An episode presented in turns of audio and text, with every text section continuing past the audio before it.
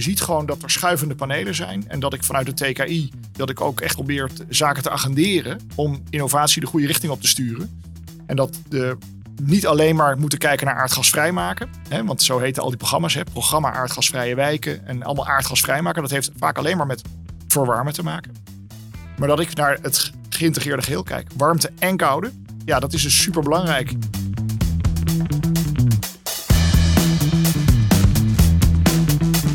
Hallo, welkom bij deze podcast van TKI Urban Energy. Deze podcast is de tweede uit de serie van drie. Met als thema verduurzaming van bedrijventerreinen. Waar we in gesprek gaan over diverse thema's die relevant zijn voor verduurzaming van bedrijventerreinen.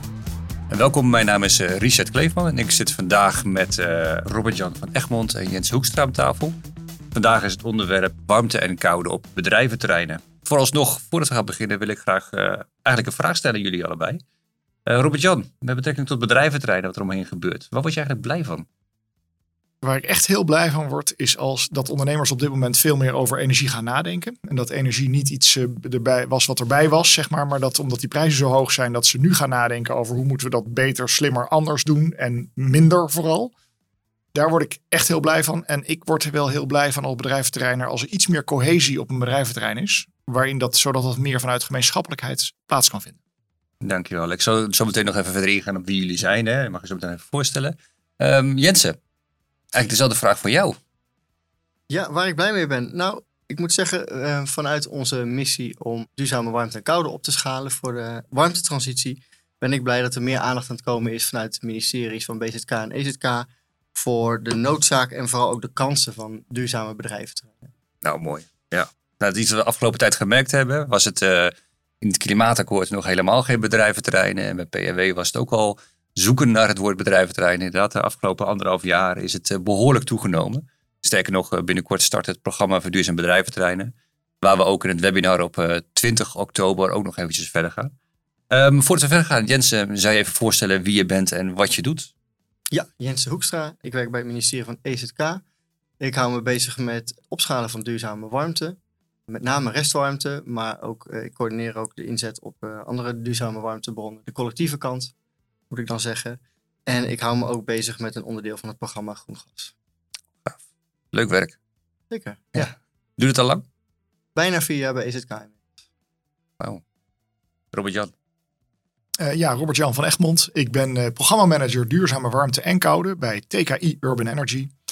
En dat is een onderdeel van de topsector energie. Ja, wat ik eigenlijk doe is dat ik uh, identificeer met alle partijen in de markt wat zijn de innovatieopgaven die we nog hebben om het klimaatakkoord of tegenwoordig het coalitieakkoord te halen. En dat doen wij in zogenaamde missiegedreven innovatieprogramma's. Uh, meerjarig missiegedreven innovatieprogramma's moet ik zeggen, de MMIP's.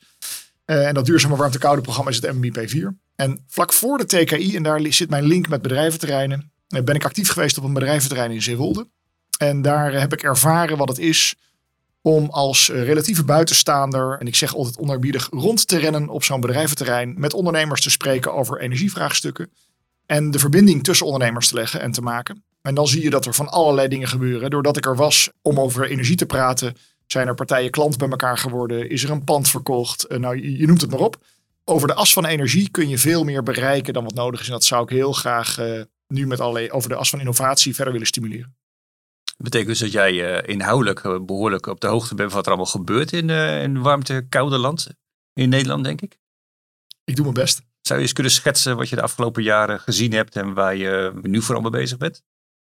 Het programma waarvoor ik verantwoordelijk ben is redelijk breed. Dat gaat echt van warmtepompen tot en met ventilatiesystemen, warmtapwatersystemen. Dat zit dan vooral wat meer in woningen. En allerlei kleinschalige warmteopslag. Tot die hele collectieve kant. En dan praat je over heel groot. Dus het gaat over grote warmtenetten, kleine warmtenetten, maar ook, uh, ook weer warmteopslag, geothermie als een groot uh, thema, aquathermie, ook restwarmteuitkoppeling van die bedrijventerreinen. Hoe je die zeg maar uh, beter kan benutten en kan invoeden op warmtenetten. Dus dat soort thema's, daar ben ik heel actief op. En dan ben ik aan het kijken, wat, zijn nou, wat is de laatste stand van zaken? Wat gebeurt er ook in het buitenland? En wat zijn nou nog de thema's die we in Nederland moeten gaan aanpakken? Dus dat is natuurlijk super boeiend om te zien. We hebben toen ik net binnen was bij de TKI, hebben we gewerkt ook aan de bedrijfshal. In al die bedrijfshallen hangen bijvoorbeeld nu nog gasheaters. En natuurlijk erg interessant om te kijken hoe je dat enorme vermogen wat zo'n gasheater kan leveren, hoe je dat nou wegwerkt. En hoe je zorgt dat dat vervangen wordt door duurzame oplossingen. Al dan niet in combinatie met een collectieve oplossing. Dus dat je met, vanuit een warmtenet dat doet. En lukt dat? Het gaat veel te langzaam. Ik ben een ex-ondernemer, dus ik zit nu aan de overheidskant. En uh, ondanks dat er best al veel innovaties zijn en op de markt komen, zie ik toch ook dat die markt gewoon heel traag, heel langzaam in beweging komt. Wat ik eerder al een keer zei van never waste a good crisis. Ik heb wel het idee dat nu door die crisis met Oekraïne en met die enorm hoge gasprijzen dat de versnelling komt. En dat ondernemers in ieder geval er meer voor openstaan. En dus ook dat innovatoren weer harder gaan werken, producten sneller naar de markt willen brengen en door willen pakken. Het is natuurlijk niet alleen gebaat bij innovaties, hè, maar ook bij uh, dingen als wet en regelgeving en kansen en mogelijkheden. Dan kijk ik naar, uh, voor de kijkers, de luisteraars, die zien natuurlijk niet, maar ik kijk naar links. En daar zit Jensen. Vanuit de overheid gebeurt natuurlijk ook wat een en ander, hè, dus los van de techniek en innovatie. Kan je die eens over toelichten wat daar allemaal gebeurt, uh, Jens? Ja, er gebeurt heel veel. Ik ben het met Robert-Jan eens dat je soms het gevoel hebt dat dingen te langzaam gaan. Maar ik zie wel dat we aan heel veel grote knoppen tegelijkertijd aan het draaien zijn, waar heel veel partijen bij betrokken zijn. Maar we zetten natuurlijk in op eh, wetgeving, het wegnemen van belemmeringen in regelgeving, maar ook het opzetten van meer faciliterende wetgeving. Uh, zoals bijvoorbeeld in de nieuwe wet collectieve warmte, die over twee jaar van kracht moet worden. De financiële impuls natuurlijk. We doen ons best om met de subsidies die er zijn, dus de portefeuille eigenlijk aan subsidies, zo goed mogelijk te ondersteunen waar dat nog nodig is. Daarnaast natuurlijk zijn wij ook partner en onderdeel van, van de innovatie-inzet binnen de TKI. Om ook te kijken waar wij willen programmeren om meer gericht de juiste innovaties uh, omhoog te helpen. Daar weet je elkaar wel aardig te vinden, neem ik aan. Ja, zeker. En maandelijks, uh, maandelijks goede bijpraat over. Er gebeurt veel en dat, is dat vind ik heel leuk om te zien. Want er gebeurt zoveel ook buiten je blikveld. Maar, uh, maar dan is het fijn om ook de TKI als antenne te hebben om te zien hoeveel er, hoeveel er speelt. En daar soms ook signalen uit op te pikken over dingen, obstakels waar, waar innovaties of ondernemingen of toepassingen tegenaan lopen. Dus de praktijkervaring die wij vanuit TKI opdoen, helpt jullie ook bij zicht krijgen op wat er nodig is en welke kant op kan gaan. Ja, zeker. Ik ben overtuigd van de, de goede wisselwerking tussen die twee kanten. En als je praat over collectieve warmtenetten, de kansen en mogelijkheden, um, kan je daar iets over toelichten wat daar gebeurt? Ja, nou ja, we voorzien grofweg dat uiteindelijk een, een derde van de gebouwde omgeving aardgasvrij zal worden gemaakt met, uh, met warmtenetten. dat weten we natuurlijk nog niet precies, maar de verwachting is grofweg een derde all-electric, een derde met hybride oplossingen met duurzaam gas en een derde met eh, collectieve warmtesystemen. Daarvan is het eerste doel wat we op de horizon hebben, is 500.000 eh, nieuwe aansluitingen in de bestaande bouw in 2030. Dat is een ambitieus doel natuurlijk. Maar wat ik al zei, er zijn veel grote knoppen waar gedraaid wordt. En ik zie nu dat die in de goede stand komen te staan om daar, uh, daar een goede rugwind aan, aan te geven opschalen van de duurzame warmtebronnen moet natuurlijk hand in hand gaan met het realiseren van die aansluitingen. Het is van 2 1. Dus uh, we zetten ons ook in op het, uh, het faciliteren van geothermie, het ophaalrecht voor restwarmte, zei ik al. Is een ophaalrecht. Ja. Zou je iets over toe willen lichten? Want dat vind ik wel een hele Ja, kan ik kort even toelichten. Dat is een, een, een onderdeel van de wet collectieve warmte die ik al noemde. Het verduurzamingsonderdeel daarvan. Hè, daar zit de verduurzamingsnorm in waar warmtebedrijven aan moeten voldoen. Dus dat langzaam eh, de CO2-inhoud van de geleverde warmte naar nul moet worden gebracht. En voor het opschalen van restwarmte is het ophaalrecht een belangrijk instrument. Omdat het in feite restwarmte producerende bedrijven, de grotere industrie, maar ook kleinere bedrijven die, die een restwarmtestroom hebben, die ze lozen nu oppervlaktewater of in de lucht, dat die stromen gebruikt moeten kunnen worden door een warmtebedrijf. Dus het ophaalrecht bepaalt dat een restwarmteproducent die warmte verplicht moet afstaan aan een restwarmte, aan een warmtebedrijf. Uh, wanneer uh, die daarom vraagt en wanneer die een collectief warmtesysteem heeft aangelegd. Dus dat biedt eigenlijk uh, ruimere kansen voor warmtenetten om een beter systeem in te kunnen richten? Ja, dat moet inderdaad restwarmte beter loskrijgen als een van de meest potentiële duurzame warmtebronnen. Maar het lastige, de uitdaging is van restwarmte, is natuurlijk de inherente onzekerheid aan de bron. Je hebt nooit de garantie dat een bedrijf x jaar blijft zitten dat er niet in de tussentijd failliet gaat of wellicht uh, ontploft, bij wijze van spreken. En die terughoudendheid kan aan beide eh, kanten zitten, aan de aanbodkant en aan de vraagkant.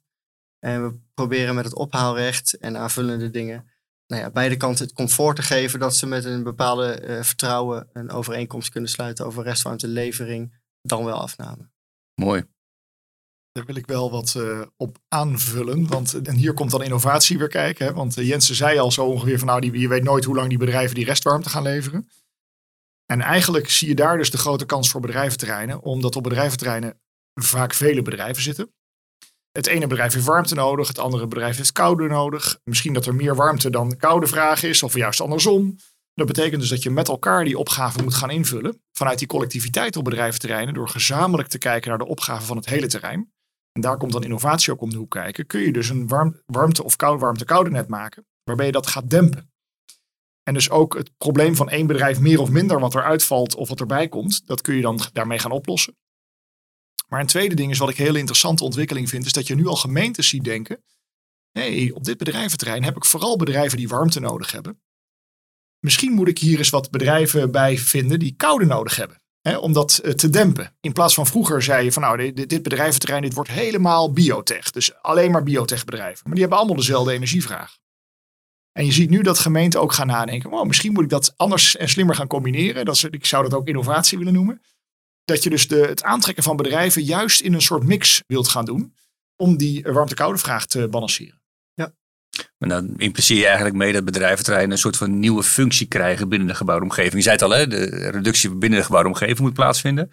Ja, een gebouwde omgeving is niet alleen maar woningen, dat zijn kantoren en bedrijventerreinen. Dus dat impliceert al dat bedrijventerreinen niet alleen maar bedrijventerreinen zijn, maar ook een, dus een rol krijgen in de energiehuishouding. Ja, denk ik Klopt dat beeld? Ja, dat denk ik ook. Hoe zie je dan de rol van bedrijventerreinen?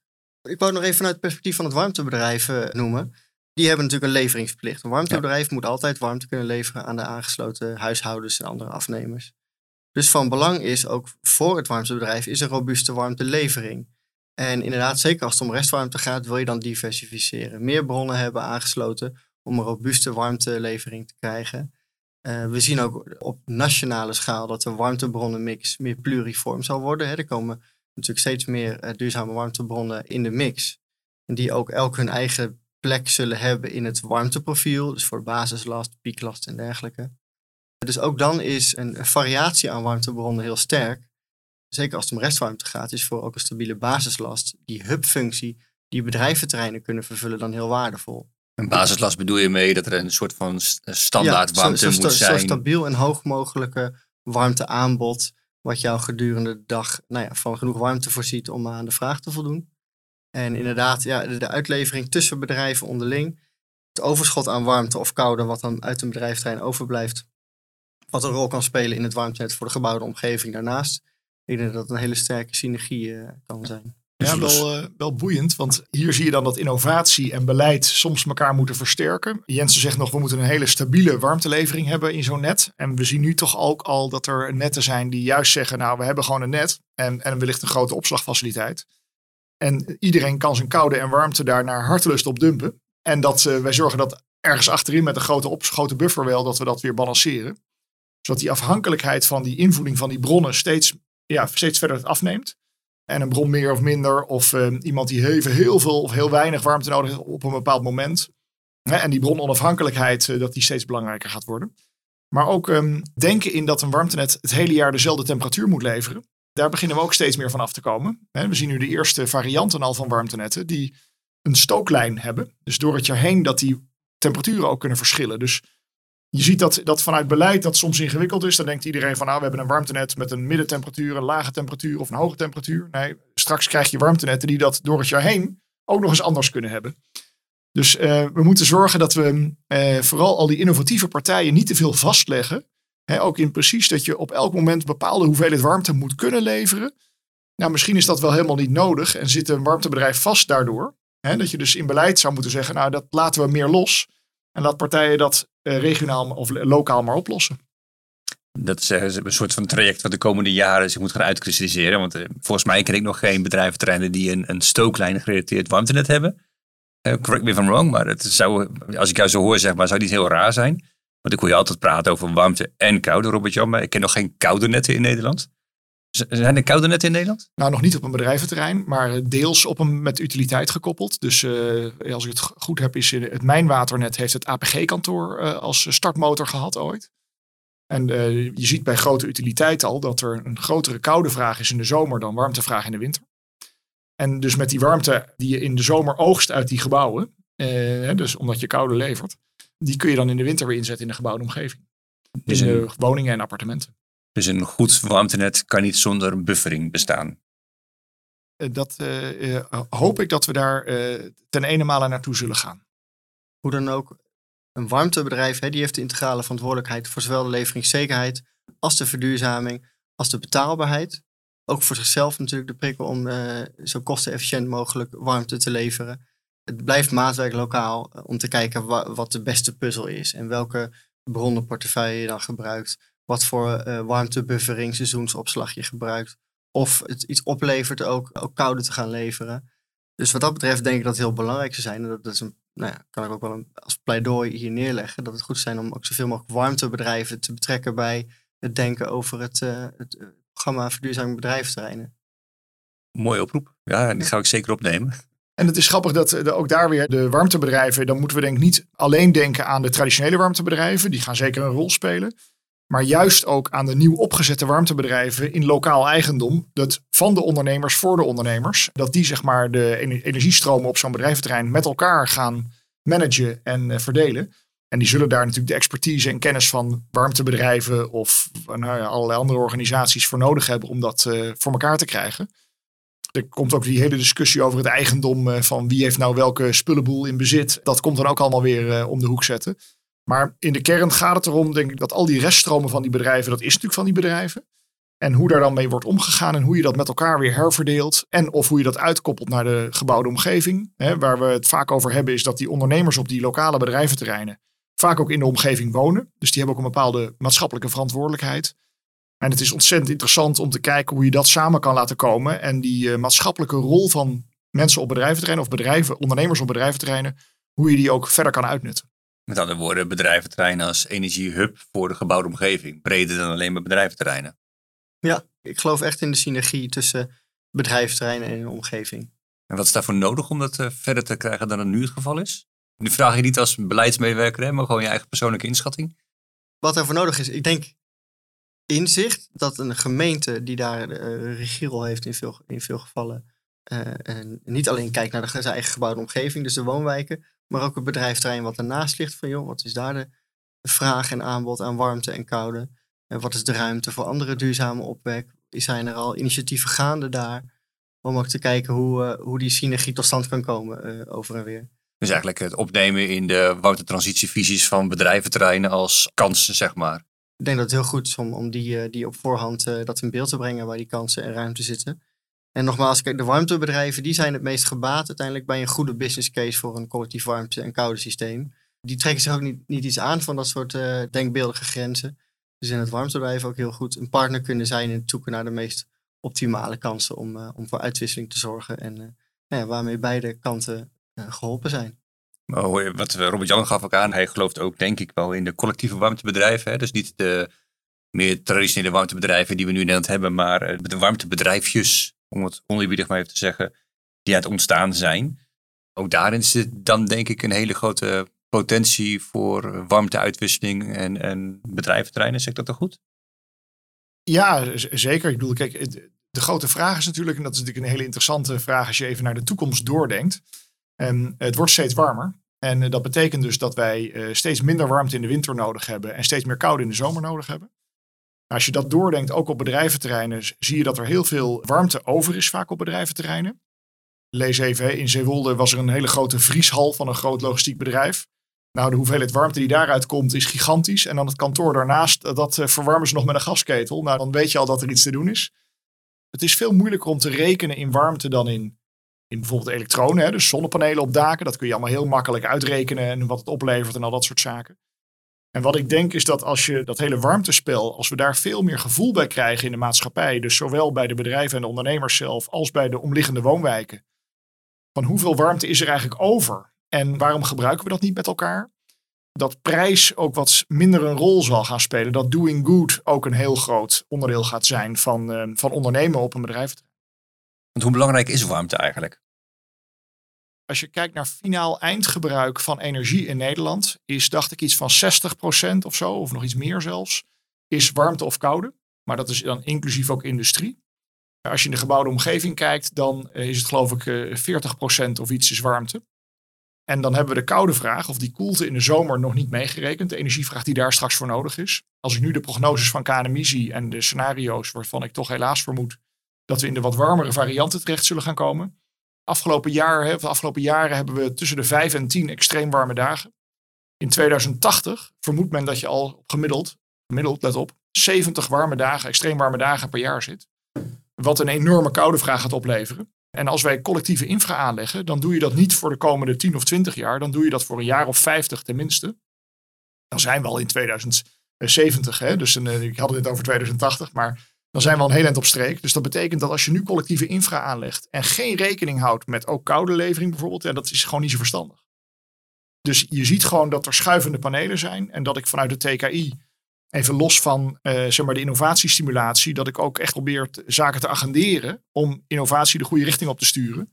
En dat de, niet alleen maar moeten kijken naar aardgasvrij maken, hè, want zo heten al die programma's, hè, programma aardgasvrije wijken en allemaal aardgasvrij maken. Dat heeft vaak alleen maar met verwarmen te maken. Maar dat ik naar het geïntegreerde geheel kijk, warmte en koude, ja, dat is dus super belangrijk. In de wereld, even om een idee te geven, is koeling al veel groter dan warmte. Dat gaat echt in Nederland ook een grotere rol spelen. En dat is het meest grootste deel elektrisch. Airconditioning, ja. Elektrisch. dat is... Ik denk dat we over een aantal jaar misschien niet meer over warmtebedrijven spreken, maar over warmte- en koude bedrijven. Hè, of onder een andere titel. Maar ik denk dat gaandeweg hè, het klimaat warmer wordt en de koelbehoefte ook in woningen en voor doorsnee burgers groter wordt. Dat we ook daar meer over gaan nadenken. Van, joh, ik heb niet alleen maar verwarming nodig. Ik heb ook een steeds groter deel van het jaar eh, behoefte aan koeling. En dan is het opnieuw aan die wat we nu nog warmtebedrijven noemen, om te kijken wat is de meest kosteneffectieve manier en maatschappelijk optimale manier om ook dat te kunnen verzorgen. Is dat collectief of is het in sommige gevallen waar een warmtenet op een hogere temperatuur ligt, toch elektrisch, omdat het samenvalt met bijvoorbeeld piek aanbod aan elektriciteit op zonnige zomerdagen. Ja, dat zijn natuurlijk weer andere afwegingen die met andere, dynamiek, andere dynamieken te maken hebben dan warmtelevering. Ik denk dat het best wel wat dat betreft nog een stukje complexer gaat worden om collectieve warmte te kunnen doen, hè, moet je natuurlijk als, als individueel bedrijf ook maatregelen nemen. Je komt er niet zomaar. Je zult, denk ik, als ondernemer stappen moeten zetten. Of als huishouden trouwens ook. Hè. Ik hoor wel vaker dat voor de voorwaarden voor warmtenet moet je toch echt wel zorgen dat je LT ready bent. Of in ieder geval maatregelen genomen hebt je woning wat voor hard te kunnen maken. Dat geldt voor ondernemers denk ik ook zo. Jens. Ja, dat klopt. Ja, voor de woningen werken we natuurlijk, werkt het ministerie van BZK natuurlijk toe naar de standaard en streefwaarden isolatieniveau, de energievraag van woningen, die ongeveer overeenkomt met minimaal label D. Dus dat je met 70 graden verwarmd kan worden en liefst nog uh, lager met 50 eh, graden. Dat zijn natuurlijk de huizen die sowieso duurst zijn om aardgasvrij te maken. Daar heb je het meeste nodig aan isolatie en andere ingrepen. En daar gaat alsnog ook de meeste energie in aan warmte of elektriciteit. Dus bij die geval is het het meest belangrijk dat je langer wacht totdat dingen, nou ja, dat er meer technieken zijn, uh, marktrijp zijn geworden, innovatie heeft plaatsgevonden technieken goedkoper zijn geworden. De transitievisie warmte die gemeenten schrijven, die is er ook op gericht om te beginnen met de wijken waar het al nu het meest eenvoudig is en het meest betaalbaar om te gaan verduurzamen. De wijken waar, waar monumenten staan, dus de historische binnensteden en dergelijke, zijn waarschijnlijk ook pas als laatste aan de beurt na 2040, zeg maar. Dus voorlopig hoeft, hoeven daar nog geen grote knopen voor te worden doorgehakt om zoveel mogelijk kans te geven aan nou ja, kostendaling en nieuwe technieken. Lullig is alleen dat die monumentale panden op dit moment de hoogste rekening hebben. Ja, uh, dus die zijn eigenlijk het meest gebaat. Dat is waar, maar dat, dat was natuurlijk al zo. Dat is, ja, dat is nu, zeker zo. Ja, die strop wordt natuurlijk wel sterker. We zijn begonnen met individueel naar collectief. We gaan nu even terug van collectief naar individueel. De vraag was eigenlijk, uh, hoe zorgen we ervoor dat individuele bedrijven ook stappen kunnen zetten? Ja, de energiebesparingsplicht is natuurlijk uh, iets wat, wat een aantal jaar van kracht is. Die uh, bepaalt dat uh, bedrijven boven een bepaald energieverbruik, boven een bepaald drempelverbruik, verplicht zijn maatregelen te nemen die energie besparen, die ze binnen vijf jaar kunnen terugverdienen. Ja, dat gaat om eh, efficiëntere installaties, isolatiemaatregelen, de kleine dingen zoals de deurdrangers, bij wijze van spreken. Dat is een hele lijst, een erkende maatregelenlijst, die is gepubliceerd en ook steeds wordt uh, geactualiseerd, aangevuld. Waarop ondernemers kunnen zien welke maatregelen voor hen uh, verplicht zijn en waar ze uit kunnen kiezen. En ik denk dat het nou ja, in de huidige eh, tijden met deze energieprijzen des te relevanter is geworden. En dat meer ook dan hiervoor de prikkel bij de ondernemers zelf ligt om te kijken waar ze kunnen besparen. Nou ja, we kennen al de campagne Zet ook de knop om, om uh, burgers bewust te maken van hun energieverbruik. En de relatief kleine stapjes en maatregelen die ze al kunnen nemen om dat te verlagen en daar bewust mee om te gaan. En een energierekening dus te drukken. Hetzelfde geldt natuurlijk ook voor bedrijven, ondernemers Wat dat betreft is het leuk om te noemen dat komende maandag, 17 oktober, de campagne start van Zet ook de knop om voor bedrijven. Dus vanaf dan uh, zullen ondernemers ook uh, campagneuitingen gaan tegenkomen. En de website daarvan is zetookdeknopom.nl slash bedrijven. Daar is al advies te vinden over maatregelen die genomen kunnen worden. En welke hulpmiddelen en instrumenten daarbij uh, aangeboden worden. Oké. Recent, deze week was dat volgens mij, hebben jullie ook een gereed voor lager? Wat is ook weer? Klaar voor lager. Klaar voor lager, dankjewel. Bijeenkomst gehad. Dit was voor ja, dit was een congres voor woningen. En wij hebben eigenlijk wat we zien is dat um, gegeven de standaard streefwaarden waar we naartoe werken voor de gebouwde omgeving. In dit geval dan voor woningen, maar ook eigenlijk voor utiliteitsbouw geldt iets dergelijks. Eigenlijk iedere woning is wel warm te houden met een lagere temperatuur. En uh, nu denken we eigenlijk altijd aan isoleren. Maar je kunt natuurlijk ook je afgiftesysteem aanpassen. En dan doe ik op radiatoren of vloerverwarming of al dat soort zaken. Nou, vloerverwarmingen zijn altijd al lage temperatuur. Hè, want uh, veel warmer dan 40 graden moet je je vloer niet maken, want dan trekt het hout krom of uh, gebeuren er allemaal nare dingen. Gaat het te veel uitzetten. Met gewone radiatoren, die uh, ouderwetse radiatoren, die, um, die zijn vaak overgedimensioneerd in woningen. En zeker als je gaat isoleren, dan is eigenlijk je radiator te groot geworden voor je huis. En dat betekent dat je de temperatuur kunt verlagen. En dat geldt hetzelfde eigenlijk in utiliteitsbouw omdat daar heb je überhaupt niet het probleem met uh, warm tapwater. Hè? En heel veel utiliteitsbouw wordt niet gedoucht. Dus dat betekent dat je daar uh, in het hele pand eigenlijk maar een graad of 30, 40 nodig hebt om een heel pand warm te houden. Het enige punt is dat je rekening moet, moet gaan houden bijvoorbeeld met aanwarmtijden, dat het even net iets langer duurt voordat het warm is. Maar de efficiëntie die je ervoor terugkrijgt en hoeveel duurzamer je die lage temperaturen kunt maken, dat scheelt gigantisch. Hè? Zoals je bijvoorbeeld een warmtenet wat op 70 graden draait of op 50 graden draait in plaats van 70 graden, heeft 40% minder warmteverlies een huis met een warmtepomp, die in plaats van op 60, eh, 70 graden bijvoorbeeld 40, 50 graden maar maakt, dan is hij snel 25% zuiniger voor dezelfde hoeveelheid warmte. Dat gaat gewoon heel hard. Dus het, streven eigenlijk, in plaats van dat we zeggen we gaan de standaard volgen en bepaalde isolatiestappen maken, nou laten we nou even net iets integraler kijken. Dat je ook in de combinatie met het afgiftesysteem zorgt dat die woningen klaar zijn. En die gebouwen in dit geval op die bedrijventerreinen voor lage temperatuur. Dus we gaan ook een, een klaar voor lager krijgen voor de bedrijventerreinen. Ja, nog aanvullend op wat Robert-Jan net zegt. Een net met een lagere temperatuur geeft opnieuw het warmtebedrijf ook meer mogelijkheden om te kiezen uit de bronnen die hij wil uh, invoeren op het net. Aquathermie komt dan uh, in beeld of kan in ieder geval efficiënter met veel minder elektriciteitsvraag worden ingevoerd. Geldt ook voor lage temperatuur restwarmte van bijvoorbeeld een datacenter wat op een uh, bedrijventerrein staat. De ingrediënten waar je uit kan kiezen worden ook, worden ook talrijker wat meer ruimte geeft voor maatwerk en de meest kostenefficiënte oplossing. Dat enerzijds. En in het lage temperatuurnet ook nog helpen om aan de vraagkant maatwerk te geven. dan kun je verschillende bedrijven met verschillende warmtebehoeftes ook individueel nog opkrikken waar het nodig is met een individuele warmtepomp. En zo elke afnemer ook zijn eigen aanbod doen. Ja, want er gebeurt ook nog wat en ander hè? op bedrijfspandniveau, op maatregelen. Dus ook naar afgiftesystemen. Ik heb jou pas geleden, Robert-Jan, een gesprek over wat, wat gave technieken die loskomen voor individuele panden waar deels gasloos of hybride of helemaal gasloos zijn. Zeker, er gebeurt natuurlijk ontzettend veel. En heel veel zaken die in de woningbouw al gangbaar zijn, eh, gebeuren ook in bedrijventerreinen of andersom. In de, in de utiliteitsbouw dan. Hè, zeker als het gaat over kantoren, maar bijvoorbeeld vooral ook die bedrijfshallen. Ik had het al even over die gasheaters, maar je ziet nu allerlei innovators bezig om ehm, met slimme configuraties oplossingen te verzinnen voor die panden die nu eigenlijk alleen maar met een gasheater makkelijk snel warm gemaakt kunnen worden. Dat gaat dan vooral over luchtverwarming eigenlijk wat je doet. Dus je krijgt allerlei hybride systemen, dus uh, combinaties van warmtepompen met een gasheater. Maar ook um, hele slimme afgiftesystemen, grote uh, fans die aan uh, plafonds gehangen worden om goed die, die luchtverdeling in zo'n pand goed te krijgen. Het zijn vaak hele hoge hallen met, met stellages, met stellingen. dus je ziet dat echt veel gaande is. Maar nogmaals, dat komt door die aandacht voor energie. Het is vervelend om te zeggen, toch een beetje een zegen in deze tijd. Dat we daarmee toch een behoorlijk stuk versnelling in het denken kunnen krijgen. Ja. En individueel zie je dus dat de meeste bedrijven stilzitten om geknipt te worden. Hè? Geknipt en geschoren te worden deze winter met die hoge prijzen.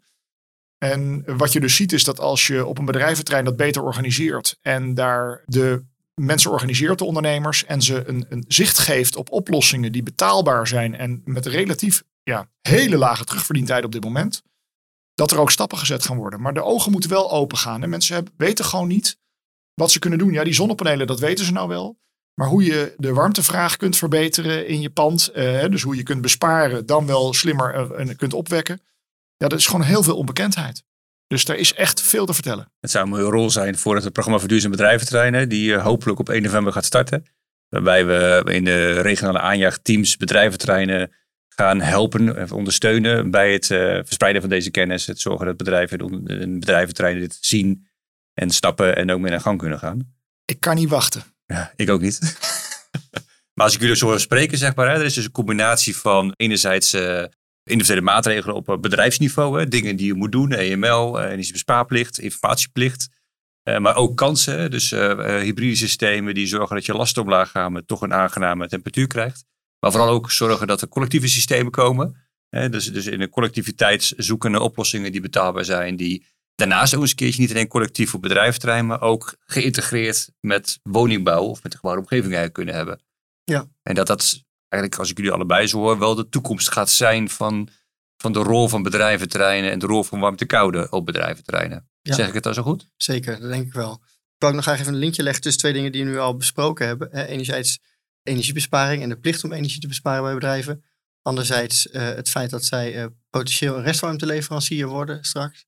Daar zit natuurlijk een spanningsveld tussen. Als je kijkt naar een individuele uh, restwarmteproducent, de bilaterale relatie tussen een warmtebedrijf die de, om de warmte vraagt en een, een bedrijf die die warmte levert, zit natuurlijk altijd een spanningsveld tussen besparing en restwarmtelevering. Waar durf ik me op vast te leggen als ik niet weet hoeveel, of er nog strengere energiebesparingseisen komen over een paar jaar? Dan zet ik mezelf klem door nu een restwarmtelevering aan te gaan voor langere tijd met daarmee minder mogelijkheden om nog te gaan besparen zelf in die tussentijd. Ik denk dat hè, dat spanningsveld, dat probeert het ophaalrecht natuurlijk hanteerbaar te maken en te verkleinen. Maar ik denk ook dat die collectieve aanpak helpt, die clusteraanpak van bedrijfsterreinen, om die spanning te omzeilen. als een warmtebedrijf met meerdere bedrijven tegelijk praat en die ook onderling met elkaar van hoe kunnen we dingen uitwisselen, die onzekerheid en die terughoudendheid ben je kwijt ten aanzien van je eigen plichten en de overeenkomsten waar je je aan vastlegt. Dan heb je gewoon een robuuster geheel, wat uiteindelijk iedereen ten goede komt. Nog een groter pleidooi om samen te werken. Robert-Jan. Ja, nou dat, dat is een interessante. Hier zit een heel stuk innovatie ook weer aan vast. Want als je een warmtenet gaat uitrollen, weet je zeker dat je niet in één keer de goede balans tussen warmte en koude tussen die bedrijven gaat krijgen. En er gaat een, te veel warmte of te veel koude zijn in het systeem op, op allerlei momenten. En dat betekent dus ook dat je dat wil balanceren en dat je naar ingroeimodellen toe moet om dit voor elkaar te krijgen op bedrijventerreinen dan zie je dus dat de kost voor de baat gaat. En dat is nou precies waar eigenlijk ook beleid om de hoek komt kijken. Van hoe kun je nou dat, die financiële risico's mitigeren, zeker in zo'n aanloopperiode, voordat je een goede volloop hebt, voordat er voldoende bedrijven op zitten, zodat het ene bedrijf erbij of eraf geen probleem meer zal opleveren. Dan is het ook niet meer zo erg als er een keer een bedrijf afvalt of bijkomt. Nou, dit gaan we ook op de webinar bespreken, waar we over drie bedrijven gaan praten die alle drie hun eigen warmtenet hebben ontwikkeld. Hè? Dus dankjewel voor deze inkopper. Ik wil hier eigenlijk ook gelijk uh, eindigen met deze uh, podcast. Ik wil jullie ongelooflijk hartelijk danken voor jullie input. Hebben jullie nog een nabrander? Iets wat jullie graag mee willen geven aan uh, diegenen die deze podcast luisteren? Nou, ik ben gaan realiseren, we hebben het nou natuurlijk echt over warmte en koude, dat dit ook een kans is, verduurzaming van bedrijfsterreinen, om überhaupt hoe we kijken naar bedrijfsterreinen en de maatschappelijke rol en positie van bedrijfsterreinen een impuls te geven in bredere zin. Een doorsnee Nederlander zal het toch vooral zien als een verzameling niet zo aantrekkelijke dozen aan de rand van het dorp of de stad. Ik denk dat hier wel een kans ligt om bedrijventerreinen ook een maatschappelijke rol te gaan vervullen. ze bieden ruimte niet alleen voor warmte- en koude uitwisseling en opwek, maar ook er is ruimte, groene ruimte voor klimaatadaptatie bijvoorbeeld. Bedrijfterreinen kunnen dat uitstralen door als, als, als gezamenlijk collectief te laten zien dat ze maatschappelijk verantwoord ondernemen positieve bijdrage leveren aan hun directe omgeving. En uh, ja, dat daarmee ook zelf bedrijventerreinen een prettiger werkomgeving worden voor de mensen die daar aan het werk gaan, die daar naar kantoor gaan of ondernemen. Dat daar op, op meer vlakken eigenlijk synergie ontstaat met de omgeving. Daar ben ik wel van overtuigd, van die kracht. Ik zou zelf geen mooier pleidooi kunnen houden voor verduurzaam bedrijventerreinen. Dankjewel. Robert-Jan. Nou, ik ook niet. Ik ga me hier volledig bij aansluiten. Ik uh, kan me hier helemaal in vinden. Dus laten we voor, deze, voor dit mooie droombeeld gaan. Dan uh, denk ik dat we een hele mooie toekomst tegemoet gaan. Robert, Jan en Jens, dank jullie wel voor deze bijdrage. Leuk vandaag. De volgende podcast zal zijn in november. En dan gaan we het hebben over constructieve beperkingen van daken. verzekerbaarheid, brandveiligheid en dat soort onderwerpen. Dank jullie wel.